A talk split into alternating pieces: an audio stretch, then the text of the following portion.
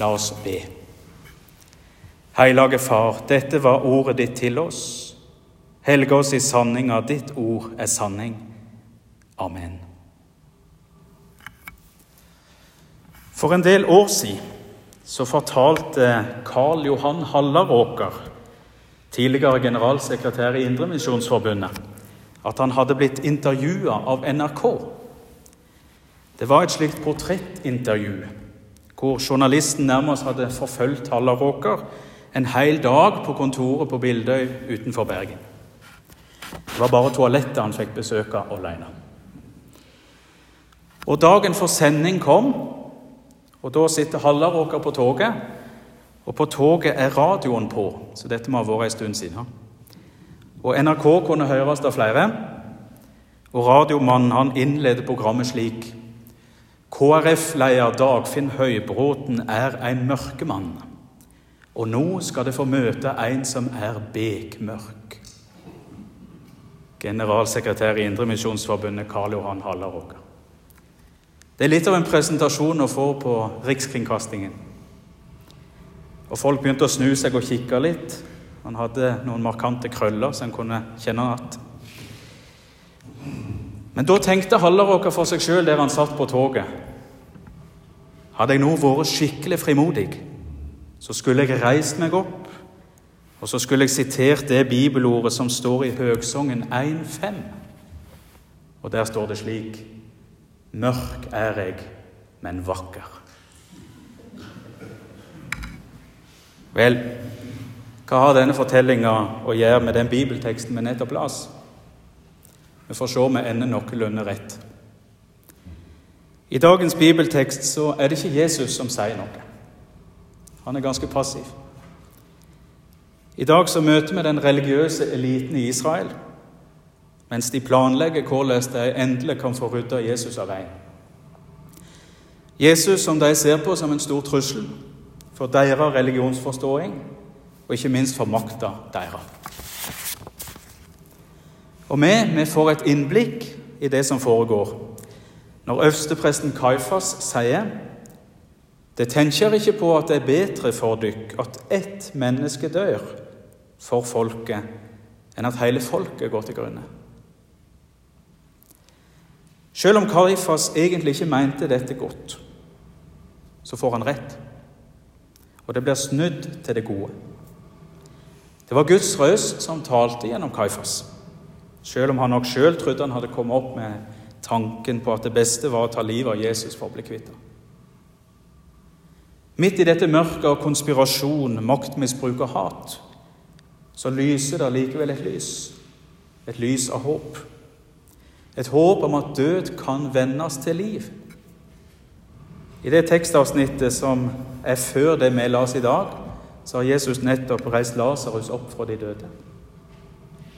Og våren den minner oss om det, at nytt liv av døde gror. Dagens bibeltekst den minner oss om å peke på det helt sentrale i vår kristne tro, og òg i vår påskefeiring, som vi nå vandrer sammen opp mot. Den minner oss om at Jesus dør i vårt sted. Jesus dør. Han blir slått i hjel på korset for at vi skulle slippe å møte døden som det døden egentlig er, nemlig vår siste fiende. Det øyeleggende for det gode, for livet sjøl. Som det sto skrevet Jesus skulle dø for folket. Ja, han skulle ikke bare dø for folket, han skulle òg samle til eit de Guds barn som er spredde rundt omkring. Jesus måtte møte påskens grufulle hendinger med svik, tortur og til sist døden på et kors. Det var den eneste måten vi kunne redde oss på.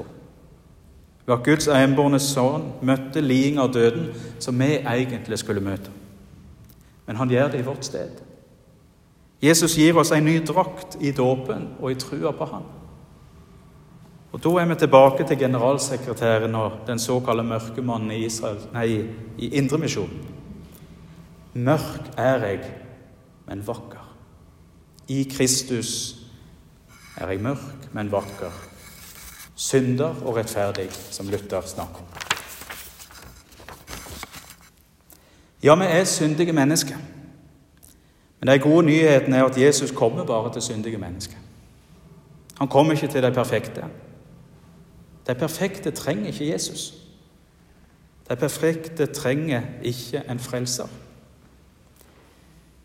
Heldigvis kom Jesus til syndere. Og jeg håper du som sitter her, er en synder.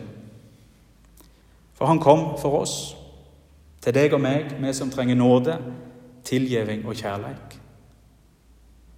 Og dette nydelige mysteriet er det vi går dypere inn i nå i den tida vi er inne i, i fastetida. På vei opp til Jerusalem, på vei til påskefeiring.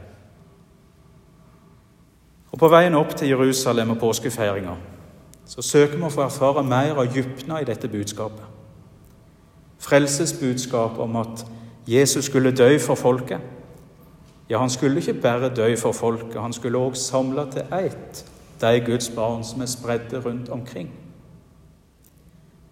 Det er Jesu verk.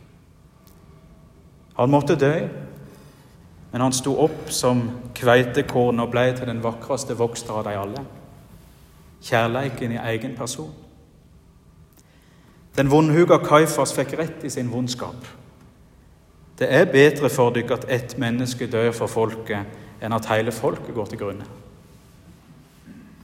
Jesus snur alt på hodet. Jesu død på krossen blir ditt og mitt liv. Livet fins i det paradoksale. Han tar på seg vår synd og bytter sitt liv med vårt. Luther kaller det for det salige byttet.